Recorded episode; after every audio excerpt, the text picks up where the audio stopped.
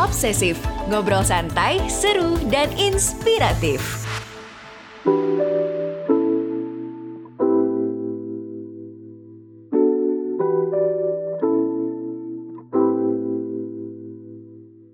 Hai teman obsesif, Pandemi COVID-19 mengharuskan masyarakat untuk beradaptasi dengan kebiasaan-kebiasaan baru. Nah, salah satunya adalah belajar dari rumah. Tentunya aktivitas ini diperlukan bantuan teknologi supaya terciptanya inovasi pendidikan yang mempermudah pembelajaran. Kolaborasi pendidikan dengan teknologi ini disebut dengan Education Technology atau EdTech. Masih bersama dengan Gabriela Tohir, Investment Analyst di Skystar Capital, di episode kali ini kita akan ngobrolin topik yang nggak akan kalah seru, yaitu perkembangan edutech sebagai solusi pendidikan di Indonesia. Nah, topik-topik ini juga udah dibahas dan tayang di kolom.kompas.com oleh Skystar Capital loh, so make sure to check on their articles. Penggunaan EdTech saat ini terus menjadi kebutuhan siswa di berbagai jenjang pendidikan – Melansir dari Business Resilience Wheel yang dirilis oleh Grant Thornton Indonesia pada kuartal pertama tahun 2021, pendanaan menjadi salah satu strategi startup untuk bertahan di masa pandemi. So, dengan perkembangan yang cukup pesat ini, apa saja hal yang meyakinkan investor untuk melakukan pendanaan? Bagaimana investor yakin bahwa edtech bukan hanya tren sementara saja? Nah, penasaran untuk tahu lebih lanjut? Yuk langsung aja kita simak obrolan seru bersama Gabriela Tohir berikut ini. Stay tuned!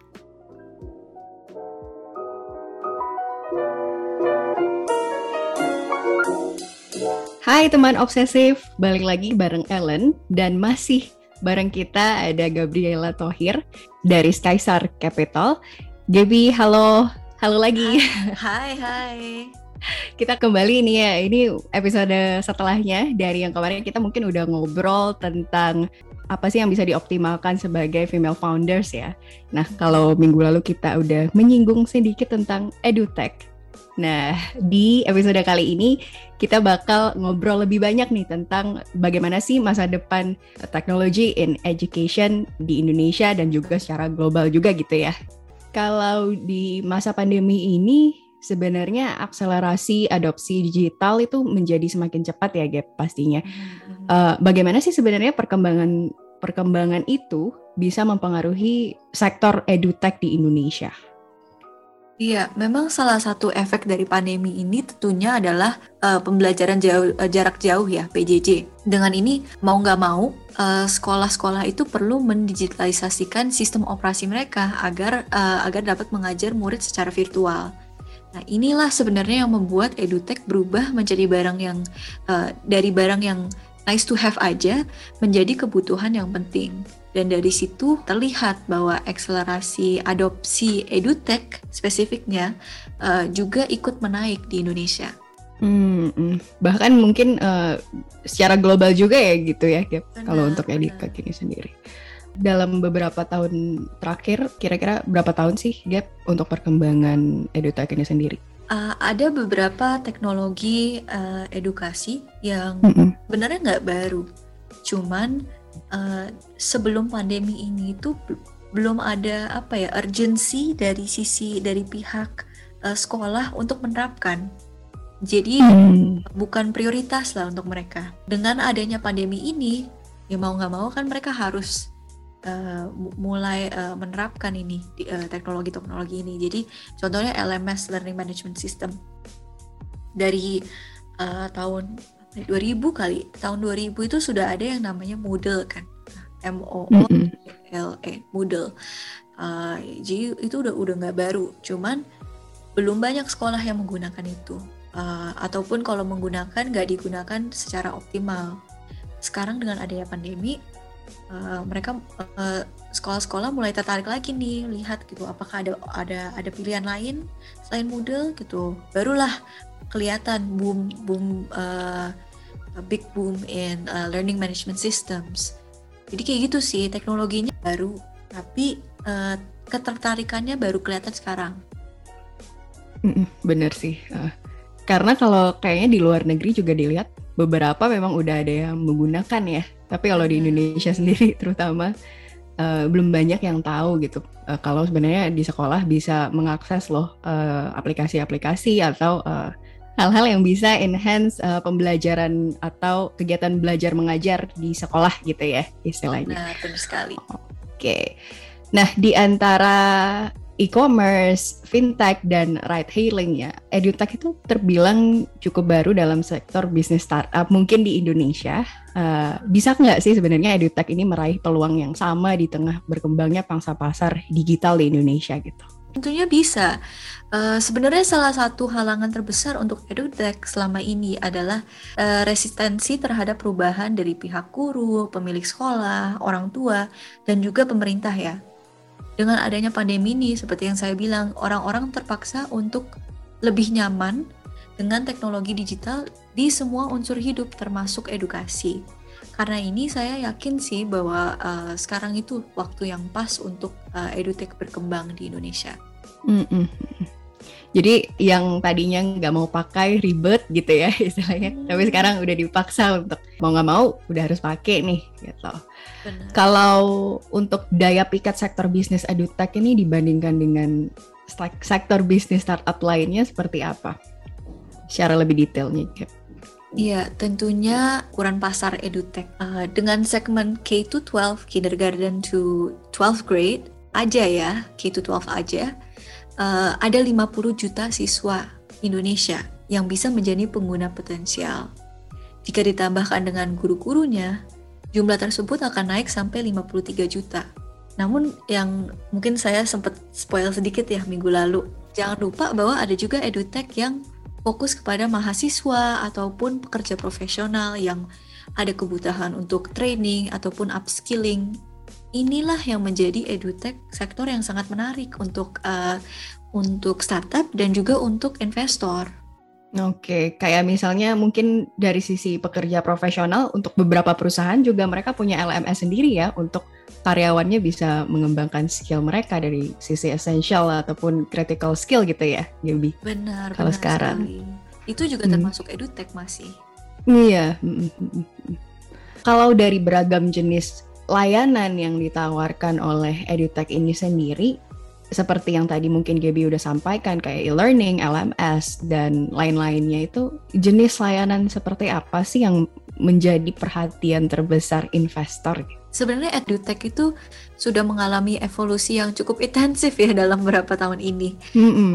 Jelas perkembangan pertama yang terlihat uh, itu adalah uh, video based learning ya, seperti yang ditawarkan Ruang Guru, Zenius dan beberapa uh, pemain besar lainnya. Dan untuk menopang kapasitas e-learning atau PJJ um, dan untuk membantu murid-murid lebih gampang menonton video-video ini, video education ini, pastinya diperlukan infrastruktur digital uh, dalam bentuk learning management system.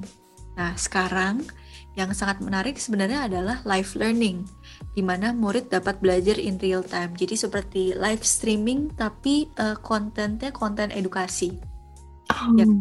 Okay. Uh, uh, kami tuh melihat bahwa dengan adanya ini kan bisa two way interaction ya. Jadi kayak gurunya itu sambil mengajar mungkin bisa ada sesi tanya jawab atau uh, sesi yang lebih interaktif uh, kami lihat bahwa pembelajaran juga lebih efektif dan muridnya juga lebih sticky dengan solusi yang ditawarkan. Jadi mereka uh, yang yang bounce rate-nya tadinya uh, you know hanya uh, 30% atau 20% video yang ditonton, sekarang mungkin mereka akan stick around uh, sampai videonya selesai, sampai uh, sesi live session itu selesai. Uh, itu yang membuat live learning sangat menarik ya. Dan dengan adanya teknologi sekarang, uh, guru itu tidak uh, limited, tidak harus mengajar kepada murid-murid tergantung dengan kapasitas uh, ruangannya. Contohnya kan kalau misalnya dulu kita bimbel ya, um, ya oke okay, bimbelnya itu slotnya cuma ada untuk 10 murid contohnya. Ya udah bisa ngajar 10 murid itu. Tapi dengan adanya teknologi seperti Zoom uh, ataupun teknologi lain, uh, satu guru itu bisa mengajar 100 bahkan 200 murid dengan adanya uh, solusi baru gitu. Oke, okay. Walaupun uh, muridnya banyak atau ya yang diajar banyak itu tapi tetap bisa efektif dengan two way interaction ini ya berarti. Benar, dan seringnya biasanya ada moderator. Jadi walaupun misalnya oh, okay. uh, mengajar gitu ya, terus mungkin dia ada tanya sesi jawab, uh, apa uh, sesi tanya jawab. Uh, kan pasti banyak kan murid-murid yang ngepost gitu mm -mm. nggak menjelaskan hal ini gitu uh, biasanya uh, guru ini kan bekerja sama dengan sebuah perusahaan startup ya uh, biasanya ada juga tim uh, yang dedik uh, yang fokusnya untuk mungkin menjawab pertanyaan atau memilih murid mana yang akan uh, uh, pertanyaan mana dari dari murid mana yang akan dipakai untuk uh, kelas itu gitu. Jadi lebih efektif lagi kan ya ada guru yang fokusnya mengajar, tetapi ada juga tim uh, di balik layar yang membantu uh, support guru itu. Oke, jadi ada yang ada tim yang tim teknisnya lah yang mengatur alur ya gitu istilahnya. Yeah. Kalau sekarang kan kalau Zoom gitu atau dari Google Meet atau Microsoft Teams kayaknya orang agak rebutan nih, apalagi kalau hmm. muridnya banyak ya. Kita beralih nih ke bagaimana sih sebenarnya edutech ini bisa menjadi solusi pendidikan di Indonesia. Nah, strategi apa sih yang bisa dilakukan oleh uh, pendiri edutech ya misalnya agar layanan layanan mereka ini bisa terus digunakan oleh masyarakat. Uh, mengingat saat ini tuh rendah ya kesediaan pelanggan untuk membayar aplikasi-aplikasi ini atau layanan ini gitu loh. Dan ini masih menjadi masalah. Iya benar, ini benar sekali sih. Berbicara dengan K-12, uh, eh, yang harus dimengerti adalah sebenarnya target yang harus terjual dengan solusi edutech adalah orang tua ya, karena emang seringnya mereka lah yang menjadi pembiaya utama atau primary financer uh, dari solusi itu gitu.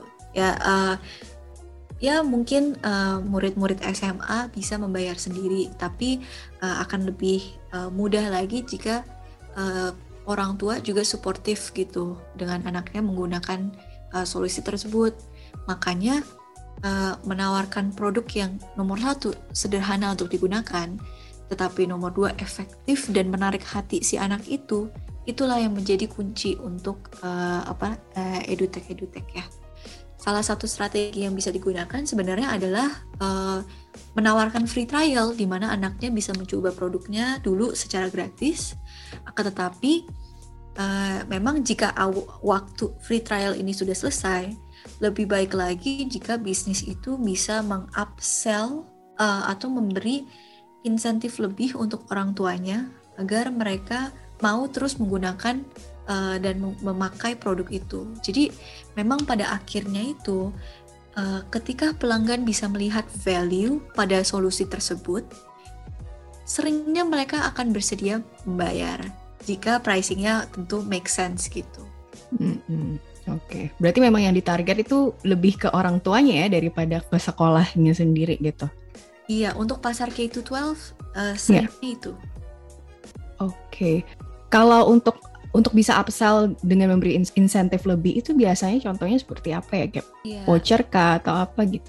Contoh uh, salah satu contohnya itu bisa uh, fitur-fitur premium gitu contohnya. Oh, Oke. Okay. Uh, mungkin uh, dengan you know akun yang free atau selama mereka uh, di free trial cuman bisa uh, cuman bisa memakai fitur-fitur ini contohnya. Uh, tetapi kalau misalnya uh, membayar subscription atau membayar untuk paket paket A atau paket B, paket C uh, bisa mendapat fitur-fitur tambahan atau uh, atau seringnya juga uh, biasanya edutech solution uh, itu ya apa namanya ada beberapa uh, biasanya menjual video kan kalau nggak video mm.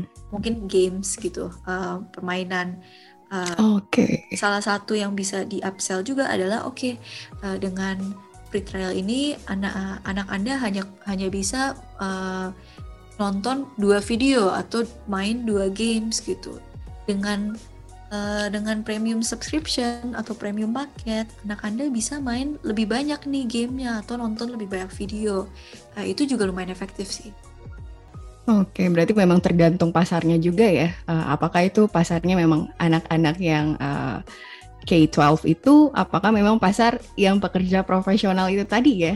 Jadi, ini ini sebenarnya ngomongin uh, eh, B2C ya, maksudnya Oke. Okay. Uh, bisnis to consumer gitu. Mm-hmm. Cuman yang kami lihat memang lebih sticky lagi jika uh, edutechnya itu bisa penetrasi sekolah.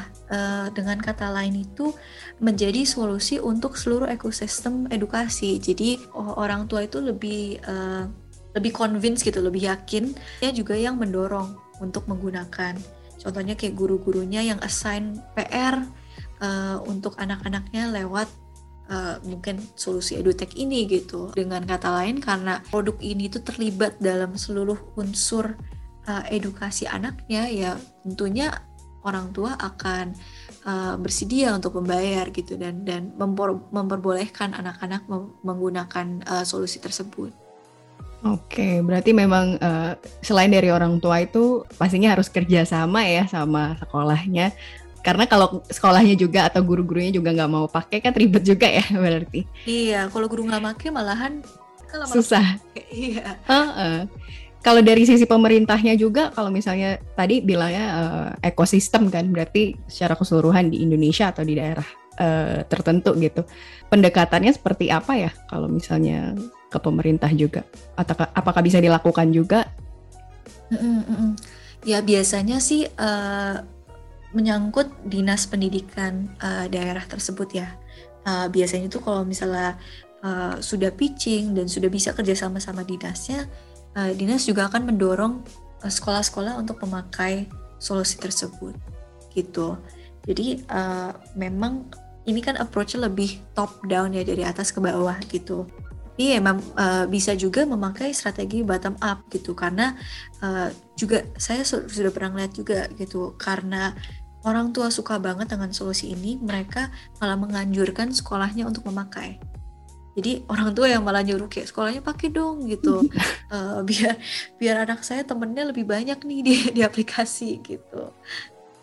Mungkin karena orang tuanya juga sekarang udah cukup mengenal teknologi ya kalau tadi kita kan ngomong tentang sedikit tentang K-12 mungkin aku mau nyinggung sedikit kalau misalnya kita mengarahnya ke edutech yang ke pekerja profesional yang udah mengerti sebenarnya willing to pay mereka itu lebih besar nggak sih Dep, kalau dilihat dari pasaran?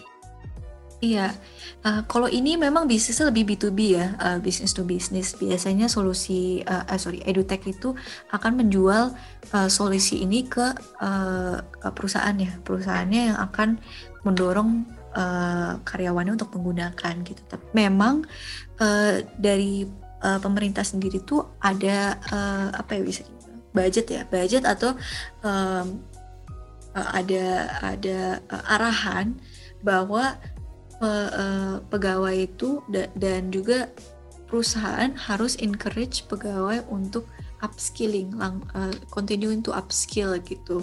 Uh, biasanya sebelum pandemi memang ini uh, diambil dalam bentuk training offline mungkin pernah ya kawan-kawan hmm. yang pernah ikut training gitu offline uh, tetapi karena sudah karena pandemi kan nggak bisa nah uh, ini menjadi kesempatan untuk edutech uh, penetrasi nih ke ke ke perusahaan-perusahaan ini gitu. Uh, menggantikan training offline dan membuat training itu atau upskilling sesi itu uh, online gitu. Virtual lah bisa dibilang. Oke, berarti kalau yang untuk ini lebih ke B2B gitu ya. Kalau di tengah pertumbuhan edutech ini ya, yang tadi semakin meningkat, apalagi di masa pandemi ini di Indonesia yang sebenarnya belum terlalu luas pasarnya, ternyata jadi orang harus pakai lah istilahnya ya. Apakah sebenarnya edutech ini bisa sepenuhnya berperan sebagai solusi dari pendidikan di Indonesia di masa yang dinamis ini? Apalagi kan mungkin kayak ini kan butuh internet ya, mungkin penyebarannya belum merata atau gimana gitu. Iya, benar sejujurnya itu penetrasi penetrasi internet di Indonesia sangat masih sangat rendah, terutama di luar kota-kota besar ya. Uh, tentunya hal ini menjadi tantangan besar bagi edutech. Uh, ini makanya menurutku ya, edutech itu tidak akan bisa 100% menggantikan pendidikan tradisional. Uh, jadi it will never completely uh, replace lah, replace uh, offline education gitu yang bertatap muka. Uh, melainkan menurut saya edutech akan menjadi sistem pendukung edukasi yang es, eh, yang esensial. Jadi uh, menurutku itu edukasi akan uh, mengadopsi model hybrid di mana pembelajaran tidak hanya berhenti di sekolah, melainkan lanjut secara virtual di rumah, mungkin dalam bentuk PR atau pembelajaran tambahan. Jadi uh, sistemnya lebih kayak O2O gitu, O2O O2O malahan, offline to online to offline lagi gitu. Apalagi dengan sekarang sekolah-sekolah sudah merasakan enaknya sistem atau solusi online ini uh, kemungkinan besar dan ini nggak hanya untuk sekolah ya, untuk perusahaan-perusahaan juga ke depan akan mengadopsi model yang hybrid sih. Uh, interaksi langsung juga pasti tetap dibutuhkan ya. Oke. Okay. Kemudian untuk selanjutnya prinsip apa sih sebenarnya yang harus selalu ditetapkan oleh uh, startup edutech agar mereka ini bisa menjadi sektor bisnis yang istilahnya nggak hanya mengejar keuntungan ya, tetapi juga bermanfaat bagi masyarakat gitu. Iya, seperti yang saya sebelumnya menjelaskan ya, memang daya pikat edu uh, daya pikat edutech adalah ukuran pasar yang sangat besar. Akan tetapi uh, penetrasi digital itu memang tidak rata yang tadi Alan sempat bilang ya, dan itu yang membuat edutech sulit untuk diadopsi oleh semua orang. Maka yang paling penting yang harus diingat bagi uh, dari pendiri startup edutech adalah saat mendesain produk atau solusimu sangat penting untuk juga memikirkan kesulitan atau hambatan yang dialami oleh pasar-pasar yang di luar kota kota-kota besar ini. Jadi tidak ada gunanya memang jika produknya hanya bisa digunakan oleh murid-murid tertentu kan. Contohnya um, cuma murid-murid di Jakarta aja yang bisa menggunakan karena internetnya cukup kuat gitu kan ini ini hanya akan membuat kesenjangan uh, pendidikan di Indonesia itu semakin buruk. Maka uh, inilah pentingnya untuk mendesain produk atau solusi yang bisa digunakan oleh semua. Mm-mm. Dari sini juga kita udah tahu ya masalahnya juga apa ya. Selain edutech tadi udah banyak, tapi ya penetrasi internetnya lagi-lagi ya. Gimana caranya uh, pebisnis yang baru mungkin baru mau memulai edutech bisa uh, menyelesaikan solusi ini lah gitu, memberi ide untuk solusi ini gitu ya. Kita balik lagi nih ke sisi investor. Dari lensa pemodal Ventura yang mau atau tertarik untuk menginvestasikan dana di sektor edutech, hal apa sih yang sebenarnya perlu dipertimbangkan untuk mengurangi resiko yang uh, yang mungkin akan ikut serta atau akan ada nantinya di masa mendatang gitu? Ya, saya ini uh, mirip juga dengan apa yang saya katakan minggu lalu ya. Uh, menurut mm -hmm. profil pendiri dan tim itu malah sangat penting, terutama untuk edutech. Mengapa? Karena edutech itu masih berada dalam tahap awal sekali. Jadi startup yang terbaik sebenarnya adalah startup yang memiliki sosok founder yang inovatif, alias bisa mencari peluang baru dari sisi produk maupun strategi pendekatan, dan uh, founder yang memiliki karisma bisa menarik anggota tim dan lebih pentingnya lagi guru-guru yang berkualitas uh, yang akan mengajar murid-murid ini untuk bekerja sama dengan mereka. Jadi uh, ini tuh sangat penting karena adanya banyak kompetisi di di pasar ya. Uh, maka founder sosok founder yang yang uh, yang yang bagus, yang hebat, yang menarik perhatian itu juga sangat penting dan lebih baiknya lagi jika pendiri tersebut mengerti industri edukasi dan paham cara terbaik untuk berbicara gak hanya dengan asosia, uh, asosiasi guru, uh, tapi juga dengan yang saya sebut tadi dinas pemerintah ya di bidang pendidikan agar produknya dapat diadopsi dengan cepat. Hmm, mm -mm. makanya uh, kalau founder tadi memang harus percaya diri juga ya selain uh, idenya yang dilihat, tapi dari sosok atau persona mereka juga yang dilihat ya. Makanya mungkin kalau founder itu nggak cuma satu ya berarti Gaby. Benar. Ada seringnya uh, malah dua atau tiga gitu. Biar saling apa ya? Uh, lengkapi. Saling melengkapi benar. Oke deh. Kemudian apa sih yang sebenarnya bisa dilakukan oleh pebisnis di industri edutech ini agar bisa uh, ekspansi atau dapat dinikmati lebih banyak orang atau istilahnya mungkin go global misalnya? Iya, uh, sebenarnya edukasi atau sektor edukasi memang uh, sektor yang sangat amat rumit ya karena uh, uh, dia uh, terlibat dalam banyak pihak gitu contohnya dari pemerintah ataupun dari uh, ya, penetrasi digital, internet, uh, guru, orang tua, banyak lah gitu. Uh, memang salah satu hal yang bisa dilakukan oleh sebuah edutech adalah uh, bekerja sama dengan perusahaan telekomunikasi untuk membantu kemudahan dalam uh, mengakses internet ini. memang seperti yang kami mungkin sudah tahu ya, kebanyakan solusi yang ditawarkan edutech itu mengandalkan internet dan juga perangkat elektronik, seringnya HP lah ya. Uh, maka penetrasi sebuah edutech itu bisa berkembang paralel dengan penetrasi telekomunikasi, terutama lagi di daerah yang terpencil ya, agar semua murid di Indonesia itu memiliki kesempatan yang sama untuk memperoleh uh, pendidikan yang bagus dan layak Uh, inilah salah satu strategi yang sudah juga diterapkan oleh uh, edutech-edutech yang besar. Hmm, agree, agree, agree. Oke. Okay. Mungkin one last question ini ya.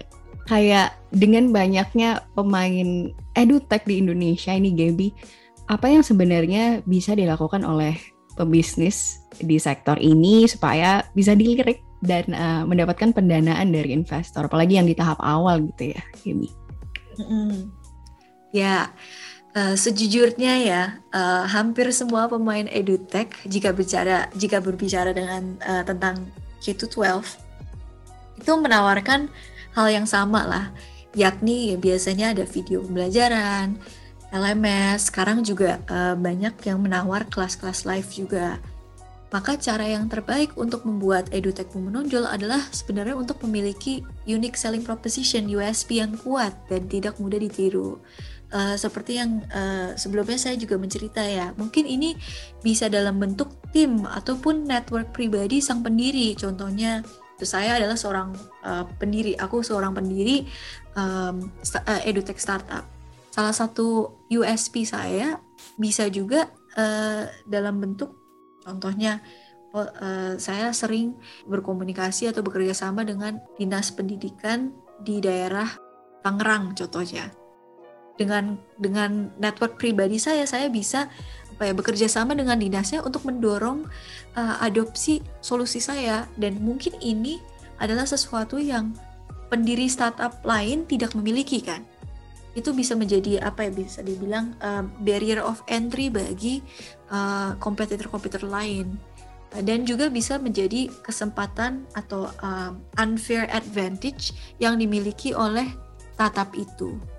Uh, itu kan dari sisi pendiri tetapi bisa juga dari bentuk produk uh, yang belum dilihat di pasar menjadi orang yang pertama atau startup yang pertama untuk menawarkan hal yang baru di pasar.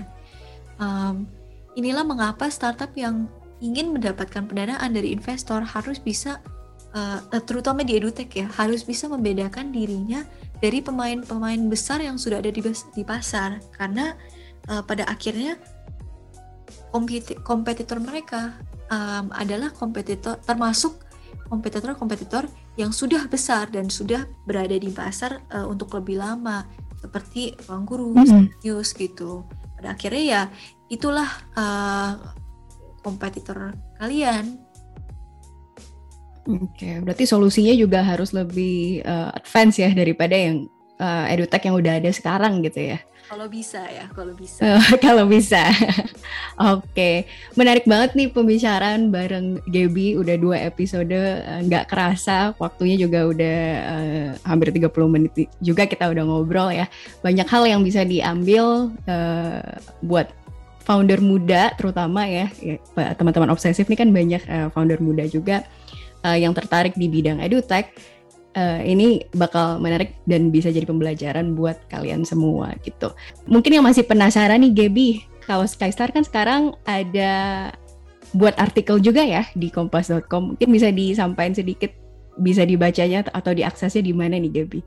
Iya, bu, boleh sekali sih. Sebenarnya ini salah satu um, apa ya bisa kita bilang value add yang kami ingin beri kepada uh, ekosistem startup terutama founder-founder yang mungkin masih baru ya, uh, kami itu ngerti sekali bahwa uh, kebanyakan informasi yang menjelaskan tentang semua hal ini itu uh, dalam bahasa Inggris gitu kan. Uh, orang selalu bilang knowledge is power, tetapi nggak uh, ada yang ngomongin tentang access to knowledge-nya sendiri gitu. Jadi uh, inisiatif Skystar Capital adalah sebenarnya untuk membuat uh, kolom spesial di kompas.com. Uh, uh, dan dan uh, membuat dan me, uh, mengeluarkan artikel-artikel in depth uh, tentang topik-topik yang menarik ini. Jadi mungkin kalau tertarik bisa diakses melalui uh, kolom.kompas.com slash skystar capital ya jika ada yang lebih tertarik untuk uh, membaca lebih tentang ini semua. Oke, okay.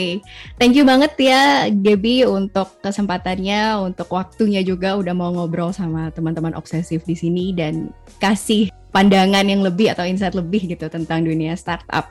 Uh, thank you banget sekali lagi dan see you ya Gaby. Sama-sama, thank you so much.